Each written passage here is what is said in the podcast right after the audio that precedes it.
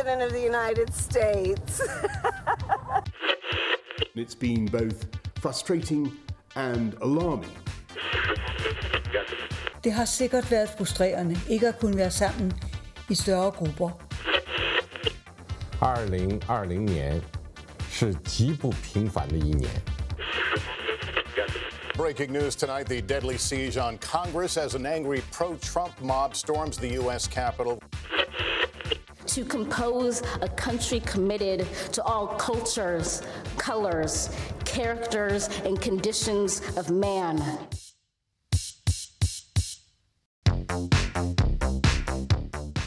Góðan dag kæru hlustendur, þeir að hlusta á heimskviður. Ég heiti Guðmundur Björn Þorbjörnsson. Og ég heiti Birta Björnsdóttir. Í heimskviðum er fjallaðum það sem gerist ekki á Íslandi.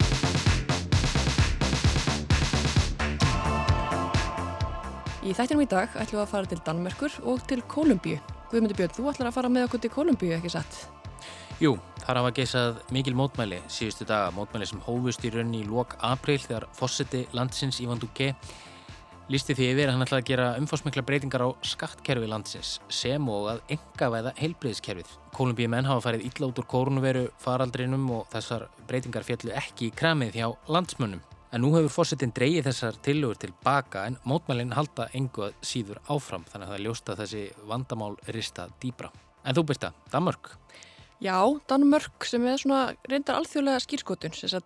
Kveikjana pisli dagsins er svo að danski þjóðaflokkurinn er búin að leggja fram frumvarp sem myndi banna lífstíðadæmdum föngum að stofna allir ástarsambandi við fólk á meðan þeir áplána dóma sína. Og meðal þeirra sem mæla með slíkir lagasetningu er ung kona sem átti ástarsambandi við Petur Madsen þegar hún var einungir 17 ára. Og Petur Madsen er svo flesti þekkja satt þá í gæsluvarhaldi fyrir morðið á bladakunni Kim Wall. Talsfólki fanga líst hins vegar frekar illa á þessa tillögu og segja hann að geta aukið á vanlíðan fanga og við fjöllum aðeins um þetta og þetta fyrirbæri að stopna til ástasambandi við fólk sem situr á bakvið lás og slá svona í alþjóðlegu samengi líka í síðar þettinum. En við ætlum að byrja í Kolumbíu.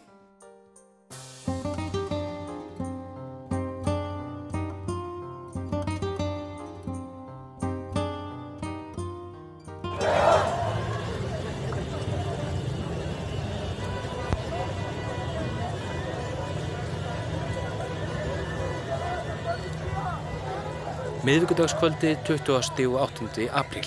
Tug þúsundir kolumbíumanna skunda át á götur Bogota og Cali sem eru meðal stærstu borga landsins. Átök brjótast út mellir mótmælenda og lauruglu að minnstakosti 6 láta lífið. Fyrrum daginn hafði kolumbíska ríkistjórnin kynnt umfangsmiklar breytingar á skattalögum og á helbreyðskerfinu. Breytingar sem fjallu illa að almenningi í landinu. Stjórnvöld höfðu búist í því að kolumbíumenn tæki þessum fyrirhugðu lagabreitingum ekki þegjandi og hljóðalöst og höfðu því allan varan á. Þau höfðu meira segja bannað all mótmæli sem er jú sjálfsæður réttur fólks í liðræðisríkjum og báru fyrir sig smítættu vegna koronaviru faraldursins. En fótum tróðin alþýða kolumbíu let ekki segjast. Þetta skildi þau ekki láta yfir sig ganga. Mótmælinn hafa staðið yfir í nær tíu daga og tala látina hleypur á tugum. Yfir 500 manns hafa verið handekinn og tæplega þúsund slasast. En um hvað snýrust þessi tilætliðu áform stjórnvalda nákvæmlega og hvers vegna blossaði þessi reyði upp? Í upphafi síðasta mánadar hafði Ívan Duque, fósiti landsins, í það því fjölmiðlum að breytingar á skattkerfi landsins væri í vandum. COVID-19 tilfellum hafði fjölgað ört í landinu vikurnar og undan og heilbreyðskerfið komið að þólmörkum.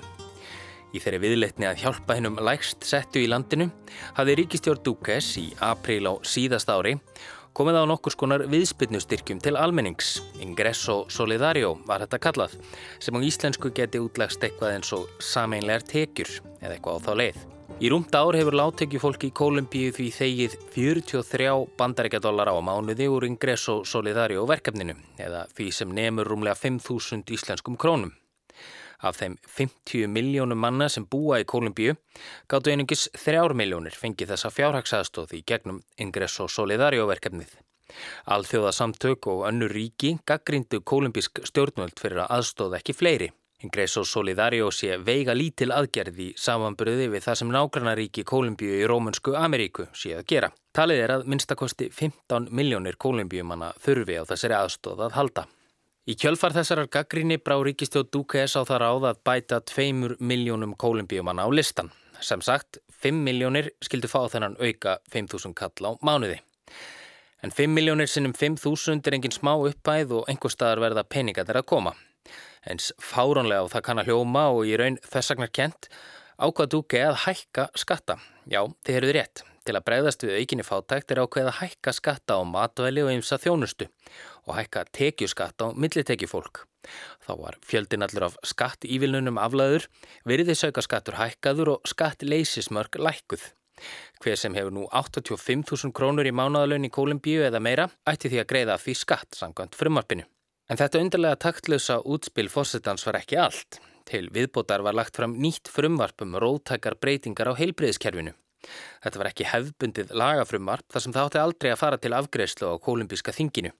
Heldur að vera samþygt framhjáð þinginu af sérstakri nefnd á vegum fulltróðeldar þingsins. Í stuttumáli fól þetta frumvarp í sér frekari skrefi átt til engavæðingar á heilbreyðiskerfi landsins. Þannig geti ríkisjóður styrt fjárhástöðu sína á meðan almenningur og það í miðjum heimsfaraldri þurft að leita á náðir engareikinar heilbreyðistjónustu sem eðlumálsu samkvæmt er því miklu mun dýrari en heilbreyðistjónusta á vegum hins óbembera. Til að toppa þetta allt saman hefur Kólumbíja farið mjög illa út úr heimsfaraldrinum. Aðeins í Brasilíu og Argentínu hafa fleiri tilfelli COVID-19 greinst. Landið gengur nú í gegnum verstu efnahagsleið sína í 50 ár. Verg landsfarmlegslega hefur dreyist saman um tæp 7% og atvinnuleysi mælist nú 14%.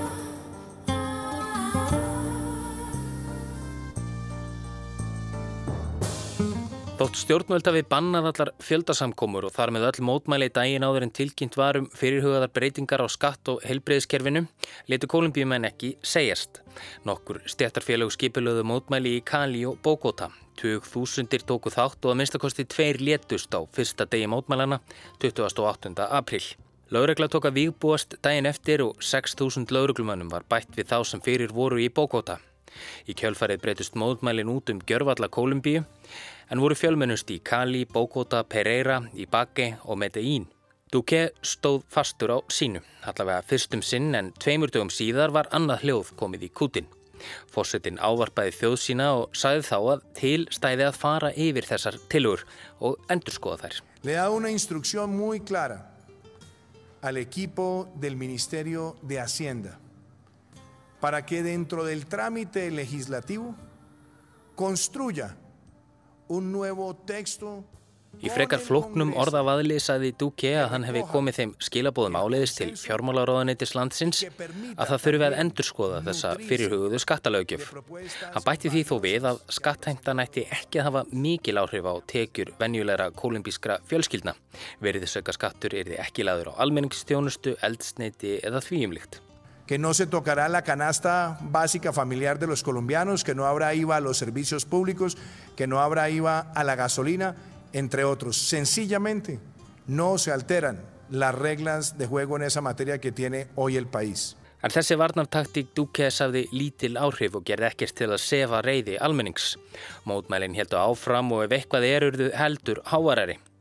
Greip þá fósitinn til þess ráðs aðfarnótt lögardags að kalla til herin, eins og gerðan er gert þegar þrengir að og valdhafar tellið sig í hættu.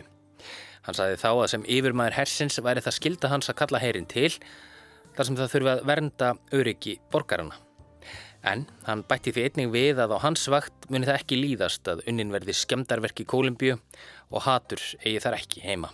No vamos a permitir que las vías de hecho la destrucción de bienes públicos y privados o el mensaje de odio tenga cabida en nuestro país. En Duque held þarna áfram að mála sig út í horn. Síðan herinn kom til kastana hefur ofbeldi í landinu aðeins aukist. Hann hafði bara held ólí á eldin, mótmælinn færðist í aukana og ofbeldi sem því fyldi sömu leiðis. Síðast liði lögutaskvöld ávarpaði hann svo landsmenn í enn eitt skiptið og sagði eitthvað á þessa leið. Ok, ok, ég er hættur við þessa auknu skamteimtu. Hann hafði fyrirskipað þinginu að draga frumvarpið til baka en myndi landsmenn þó á að þessar breytingar ekki verið duttlungar heldur á hans mati nöðsynlegar aðgerðir. Stopnunum landsins gangandi. La reforma no es un capricho. La reforma es una necesidad. Retirarla o no no era la discusión. La verdadera discusión es poder garantizar la continuidad de programas sociales. Eflust hefur Duque og aðrir í ríkistjórn hans haldið að nú væri þetta búið. Mótmælendur hefðu fengið sínu framkengt og myndu snúa til síns heima. En svo var aldrei ekki. Verkalýðs og stjættarfélag heldu áfram að bóða til mótmæla og nú bendust þau að Duque sjálfum og ríkistjórn hans. Í fyrradag reyndu mótmælendur að ráðast inn í þinghúsið í Bókota þar sem þingkald var enn í gangi en hafði ekki erindi sem erfiði. Þann sama dag var bóðað til allsherjar verkvals í landinu og enn fleiri almennir borgarar litu reyði sína í ljósa og götum úti. Götur Bókóta í gerðmorgun voru yfirfullar á fólki og af myndum og vittnisspörði fólk starra dæma og þeirri staði reyndaði Ríkistjóðn landsins hefur dreyið skattahækkanatinn til baka er ljóst að reyði almennings er enn mikil. La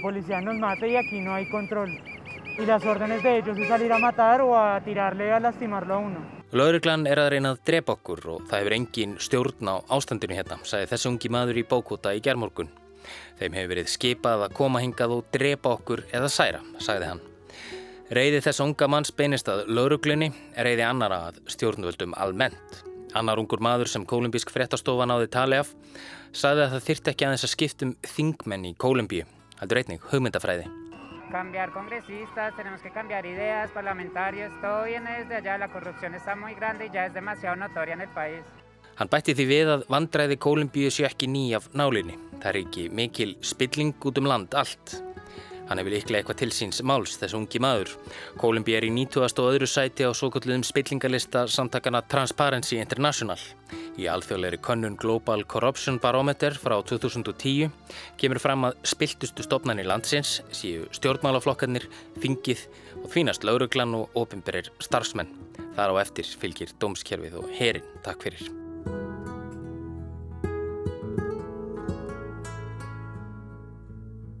Þótt Íslendingum finnist kannski eitt og annað um íslenska stjórnmálamenn er erfitt að gera sér í hugulund hvernig það er að búa í landi þar sem lítið sem ekkert tröst er til aðstu stopnana landsins og það af ærnu tilefni. Í greinsinni um spillingu í Kólumbíu í tímaritinu Journal of Development Studies benda þau Laura Langbein og Paulo Sanabria á ymsa þætti sem gera það verkum að spilling þrýfst í landinu.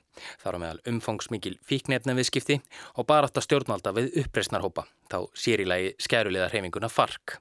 Mannréttindaskrifstofa Saminuðu þjóðana gaf út á þriði dag yfirlýsingu sem segir að Saminuðu þjóðanar hafi þungar áhyggjur af ástandinu í Kólumbíu og þó sér í lagi óðbeldi lauruglunar og hersins á almennum borgurum.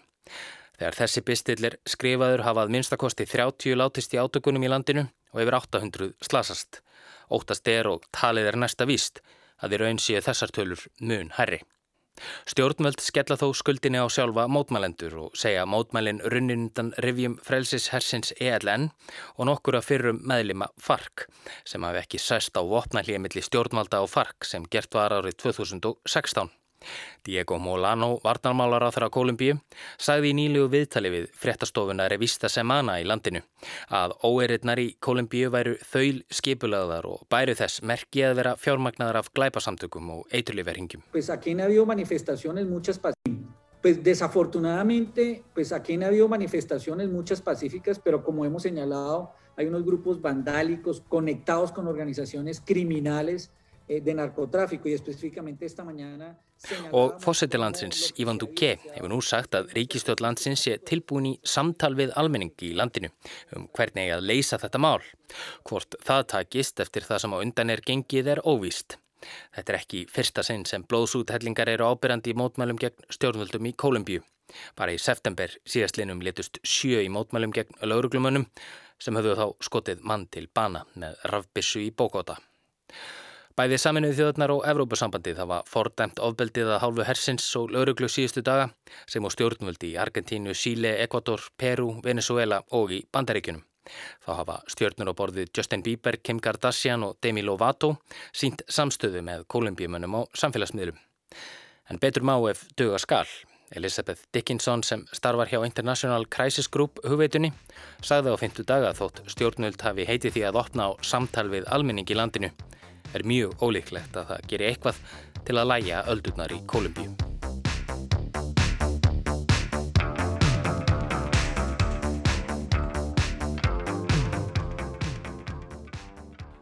Og frá Kólumbíu höldum við til Danmörkur. Danski þjóðarflokkurinn hefur lagt fram frumvarp sem myndi banna lífstíðardæmdum fungum að stopna til ástarsambanda við fólk utan vekja fangilsisins. Með þeirra sem mæla með slíkri lagasætningu er ung kona sem átti í sambandi við Peter Madsen þegar hún var 17 ára. Madsen satt þá í gæsluvarhaldi fyrir morðið á bladakonunni Kim Wall. Talsfólki fanga líst illa á tillöguna og segja hann að geta aukið á vanlíðan fanga. Birta tekur nú við. Mér langaði að vita hvað hann var að hugsa. En svo aðrir í Danmörku hafði ég fylst með málunu og ég á jafn sjokkari á allir hinnir. En svo tók ég þetta einu skrefi lengra. Þetta er íslensk þýðing á viðtali sem Camilla Kurstein veitti þættir um Go Aften Live á dansku sjónvastöðinni TV2 í lok april. Þessi hann sem hann langaði svo að vita hvað væri að hugsa hefur áður komið við sögu í heimskviðum og reyndar víðar. Þessi hann heitir Peter Madsen, danskur uppfinningamadur sem afplann nú lífstíðadóm fyrir að myrða sænsku bladakonuna Kim Wall. Þá ræðilugu sögu þekkja flest og óþarfu að fara í smáatriðum yfir hvað þar gerðist.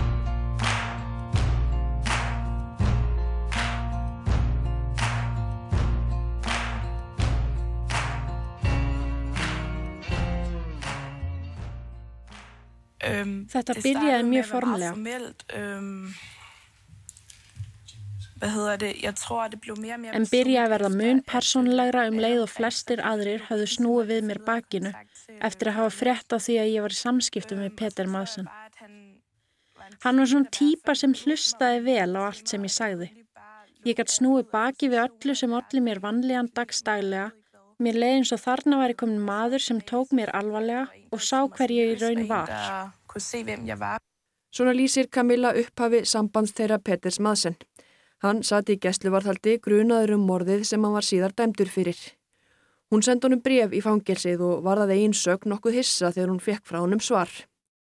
Brefaskriftirnar voru fyrst um sinn bísna formlegar en svo urðu brefin innilegri og svo bættist við símtöl svo samband þessa fólk sem aldrei hafði histi í raunheimum þróaðist yfir í ástasamband. Samband sem varði í einn tvö ár. Camilla fekk sig meðal annars húðflúr með nafni Peters Madsen á samt mynd af lítilli eldflög. Madsen var jú uppfinningamadur með geimferðir á stefnuskráni. Mér leiðan svo hann erið gladur og, að, og hann vildi að ég erið hamingisum. Þau sem voru hins vegar ekki hamingisum voru fóreldrar Camillu og vinir. Þau gerðu hvað þau gátu til að reyna að telja henni hugkvarf reyndu að fá 17 ára gamla stúrkuna til að hætta að rækta sambandsitt við Petur Madsen. Þau hefðu ekki erindi sem erfiði. Ég fyldist með réttarhaldunum og varði eins og aðri neykslu á því sem þar kom fram en á einhvern hátt var eins og ég væri först í vefnum hans. Ég hef aldrei áður verið típan sem leitar í það sem er hættulegt. Það var á endanum Petur Madsen sem sleit sambandið þeirra. Því fagnar hún í dag en varða á sínum tíma meður sín. Þegar hann hætti að hafa samband við mig brotnaði ég gjörsamlega niður. Ég var först í einhverju búblu og ekki í neinum tengslum við raunveruleikan. Ég hef búin að slíta sambandi við alla vini mína. Camilla sagði sem fyrr segir sögu sína í góaftin live á TV2 nýlega. Hún segist hafa viljað segja frá til að vara aðra stúlkur við að feta sömu braut í lífinu og hún gerði þegar hún var 17 ára. Ég skil ekki hvernig nokkur gætt fokka svona í hausnum á mér. Ég hafði ágætt sjálfströst og held ég verið ekki típan sem var auðvelt að ráðskast með.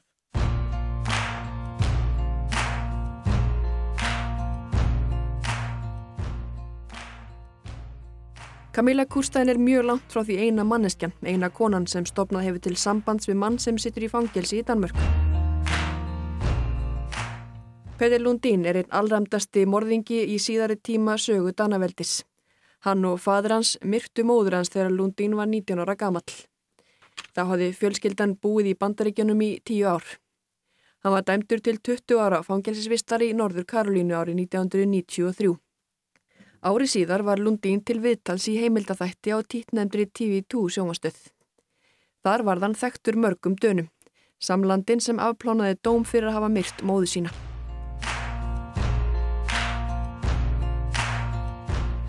Hvort sem það var vegna þessa viðtals eða ekki ægslaðast það allavega þannig að þegar Petur Lundín snýri aftur til Danmörkur árið 1999, hún var sérstaklega sleft fyrir en til stóði upphafi, Þá flutt hann beint inn til danskar konu sem hann hefði gifst á meðan hann satt inni. Það hjónaband endist reyndar ekki lengi. Hún var fleikt á dyr eftir að hafa ráðist á nýju eiginkonu og dótturinnar. Petter Lundín hóf skömmu síðar sambúð með konuðanabni Marianne Pedersen. Hún átti tvo sinni. Tæpu ári síðar var líst eftir Marianne og sónum hennar tveimur. Þau hafa aldrei fundist en Petter Lundin afplánar enn lífstíðar fangilsistóm fyrir að hafa myrt maðgininn, búta lík þeirra niður og losa sig við líkamsleifarnar. Ummerki og lífsíni á heimili Marianne og svona hennar þóttu sanna verknaðin áður en Lundin játaði sjálfur. Petter Lundin hefur og sinnum gengið í hjónaband á meðan hann afplánar lífstíðadóminn. Önnur kvennana sóttu um skilnað vegna þess að Lundín átti í ástarsambandi við enn aðra konu. Þá giftur maðurinn. You can run on for a long time Run on for a long time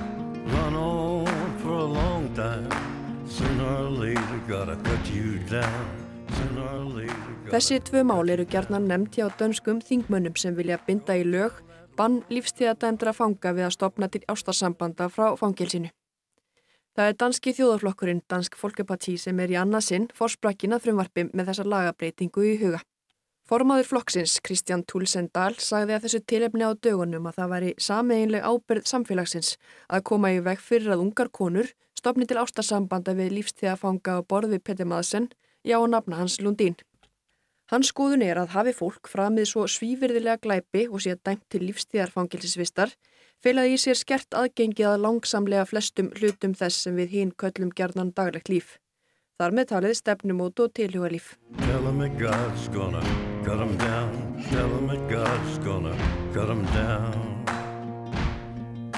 Hugmyndin við fangelsun er meðal annars að taka fólkur umferð með því að brjóta reglur samfélagsins fyrir gera fangar rétti sínum til að geta um frjálst höfuð strókið.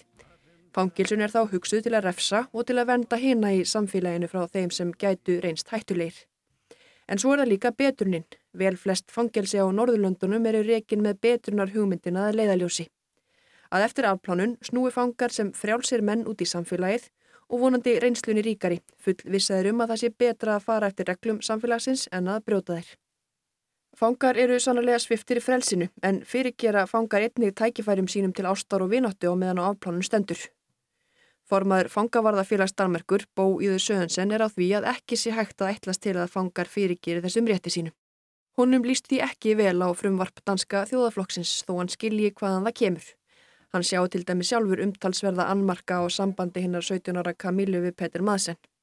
Fæstir sem hljóta lífstíðadóma í Danmörku dúsa á bakvið lás og slá æfina á enda.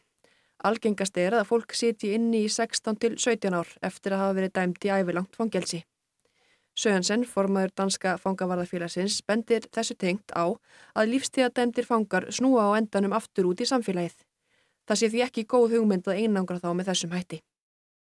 Verði frumvarp þjóðflokksins danska aðlögum megafangar með lífstíðadóma einungis vera í sambandi við nánustu fjölskyldu og vini.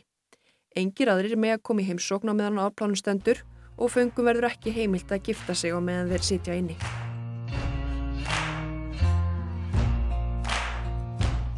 Sem fyrir segir er þetta í annað sinn sem danski þjóðaflokkurinn reynir að binda í lög slíkar reglur.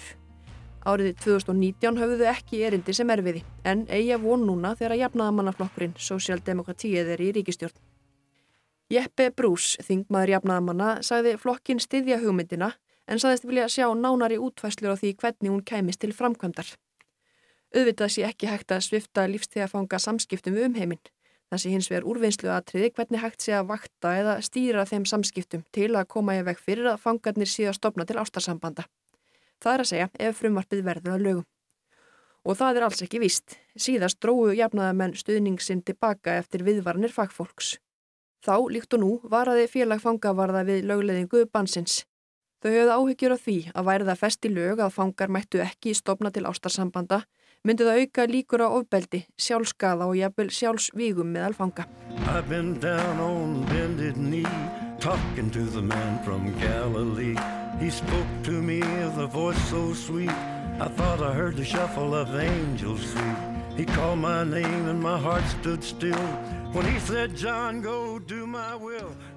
Aðdrátturafl og aðdán sumra og þeim sem afplána dóma fyrir hróttalega glæpi hefur verið rannsakað. Það er þó ekkert eitt sem útskýrir áhuga fólks á þeim sem sitja inni. Stór hluti hvenna sem sækjast eftir sambandi við slíka menn hafa orðið fyrir ofbeldi einhver tíman á lífsliðinni. Hvort það útskýri eitthvað er svo allt annað mál. Hæbristofilja er orð sem notað er yfir kvartir fólk sem laðast kynferðislega að þeim sem hafa framið glæpi. Ted Bundy var tekin af lífi árið 1989 eftir að hafa verið dæmdur fyrir að myrða og nöðga hefði minsta 30 konum víða um bandaríkin. Fjöldi hvenna sendi Bundy ástarbref á meðan hann sata á döðadeildinni. Hann giftist einni þeirra.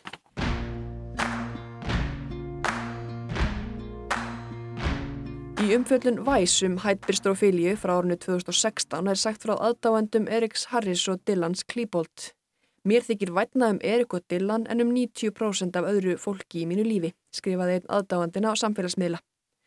Og hverjir eru aftur Erik og Dylan? Jú, þetta eru ungu mennindir sem skutu 13 skólafélaga sína til bana í Columbine skólunum í Bandaríkjunum árið 1999.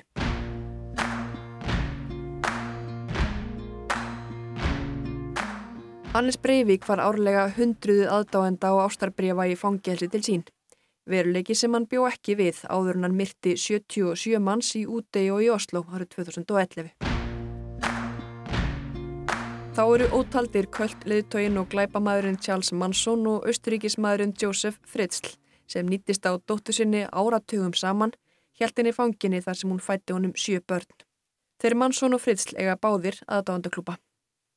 Svo það er ekki bara í Danmörku sem dæmdir glæpamenn eiga fylgi að fagna meðal takmarkaðs hóps en þar eru sem sagt hugmyndir uppi um að reyna að draga úr möguleikum að ástarsamböndum rétt á meðan á afplánu stendur. Um réttmæti þessu ágæti verður áfram tekist áum.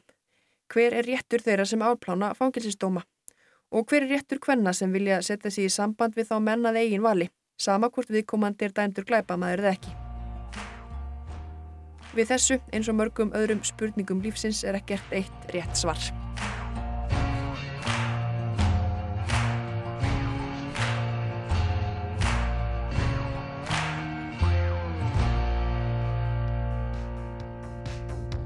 Heimskuður verða ekki fleiri þessa vikuna. Þennan þátt og alla hýna heimskuðu þættina má nálgast í spilarunum á rúf.is og öllum helstu hlaðvarpsveitum.